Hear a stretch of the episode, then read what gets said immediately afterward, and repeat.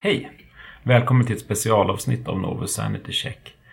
Eh, jag har varit en vecka i USA nu och tänkte kort sammanfatta lite reflektioner därifrån. Eh, har amerikanerna blivit galna? Kanske första frågan. Och nej, jag tror inte det. Men eh, det är lätt, lätt att känna så kanske som, som svensk när man kommer hit. Men det, det viktigaste kanske att komma ihåg här är att valet stod mellan två dåliga kandidater i amerikanernas ögon. Eh, Hillary Clinton stod för en trasig regering. För att det är faktiskt så att Obama, trots att han verkar väldigt charmig och, och eh, otroligt medial, så, så står han för, för någonting som inte har funkat. Han, han, han stod när han, han blev vald för hopp och, och framtidstro. Men, men i praktiken blev det en låst regering med, med demokratisk pres president och republikansk kongress som gjorde att ingenting kom igenom.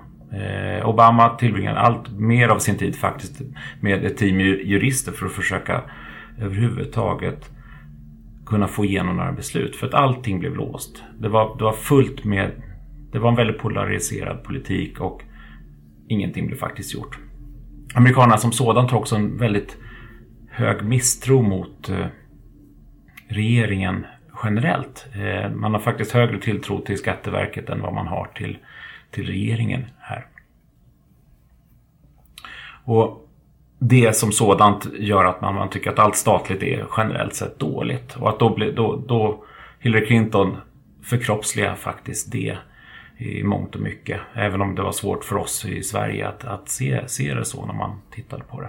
De flesta jag träffat här också har faktiskt bett om ursäkt för den, den kampanj och den, den valrörelse som var vanligt. Och de har bara önskat att den skulle ta över. För att den var ett märkligt rekord på väldigt många sätt. Det var otroligt smutsigt. Trump bröt mot de flesta regler som, som man normalt sett förväntar sig av en presidentkandidat. Men han kom undan med det.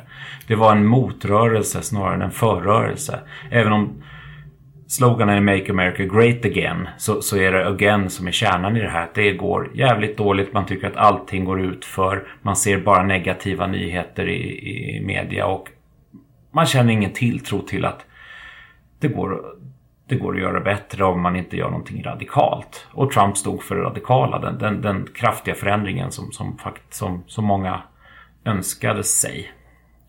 Eh, sen att han, han verkar vara en eh, riktigt otrevlig person privat och jag har hört flera faktiskt här som berättat och personligen varit utsatta för hans Eh, konstanta trend att strunta i att betala räkningar. Det, jag har hört två eller tre personer som faktiskt har råkat ut för det här. En kampanjchef faktiskt som, som var tvungen att dra det till, till rättegången. Eh, som, som hade då jobbat med, med honom. Men fick pengar till slut. Men då var inte Trump då var inte Trump presidentkandidat, han var inte politiker utan det, han var ju hotellägare bland annat. Eh, undersökningsbranschen då? Är det fullständigt kört för oss? Ska vi stänga och släcka? Jag, jag har ju kommenterat det här ganska många gånger i media och ni kanske redan har sett det. Eh, jag är väldigt glad att jag har fått frågan. Att jag har fått en chans att förklara. Och, och för att sammanfatta lite kort. Det, det ser jävligt illa ut när man inte klarar ett 50-50 val. Eh, amerikanska valsystemet är väldigt komplicerat. Vi kan, jag kan länka till, till min förklaring som jag har berättat om tidigare om vad, vad det är för utmaning i USA. För det är inte så lätt som man tror. Flest röster, flest väljare vinner inte valet. Hillary Clinton fick faktiskt fler röster än vad Trump fick. Men hon blev ändå inte president.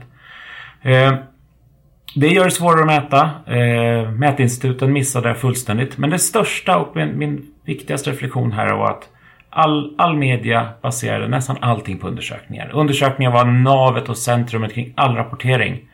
Men det fanns inga undersökare.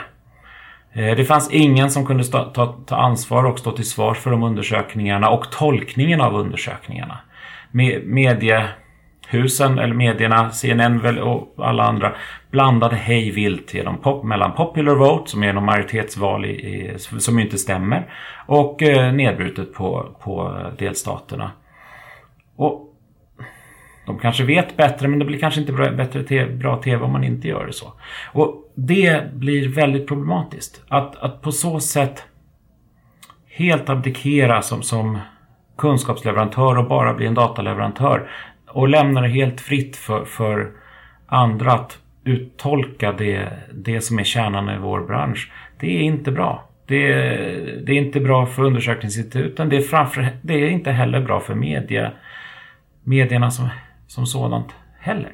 För att helt plötsligt så kommer man med helt vattentäta fakta låter som. Men som sen visar sig två dagar senare eller dagen efter eller samma dag vara helt fel. Det är inte bra för, för, för en journalist att kunna stå att inte kunna lita på den data man har, har, har eh, levererat. Och det är heller inte bra när tittarna tror då att media hela tiden ljuger. Att de kanske hittar på siffrorna. Det är, det är viktigt att det finns en tydlig ansvarsfördelning och att vi som undersökningsföretag tar ansvar för det vi gör.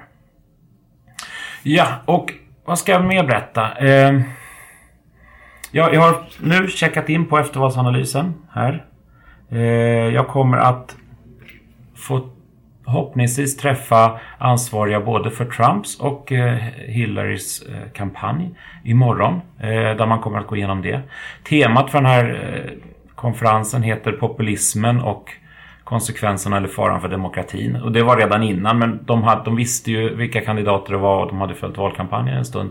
Men utgången och troligtvis att Clintons kampanj så fullständigt missbedömde väljarna. Det är jag väldigt nyfiken på att höra vad, vad som finns där. Men det kommer finnas mycket mer eh, lärdomar att, att kunna få utifrån de här dagarna jag kommer vara med här också. Och jag kommer återrapportera på förhoppningsvis både lite bildformat, film men även eh, skrift. Så följ oss på Facebook, Novus hemsida på Facebook.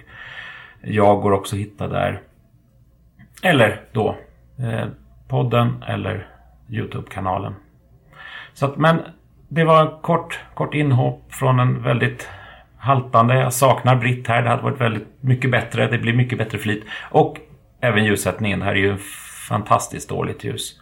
Men jag hoppas att det hörs och syns bra i alla fall. Och så återkommer jag så snart inom en vecka igen. Eh, och efter två, om två veckor då är Britt och jag tillbaka i normala gängor och jag är tillbaka i Sverige och vi kan ha en lite proffsigare Eh, inspelning och sammanfattning. Men det var allt. Världen har inte blivit galen även om det låter så och eh, det är in, ingenting är svartvitt och allt går inte åt helvete. Undersökningsbranschen funkar fortfarande men vi måste ta ansvar för det vi gör.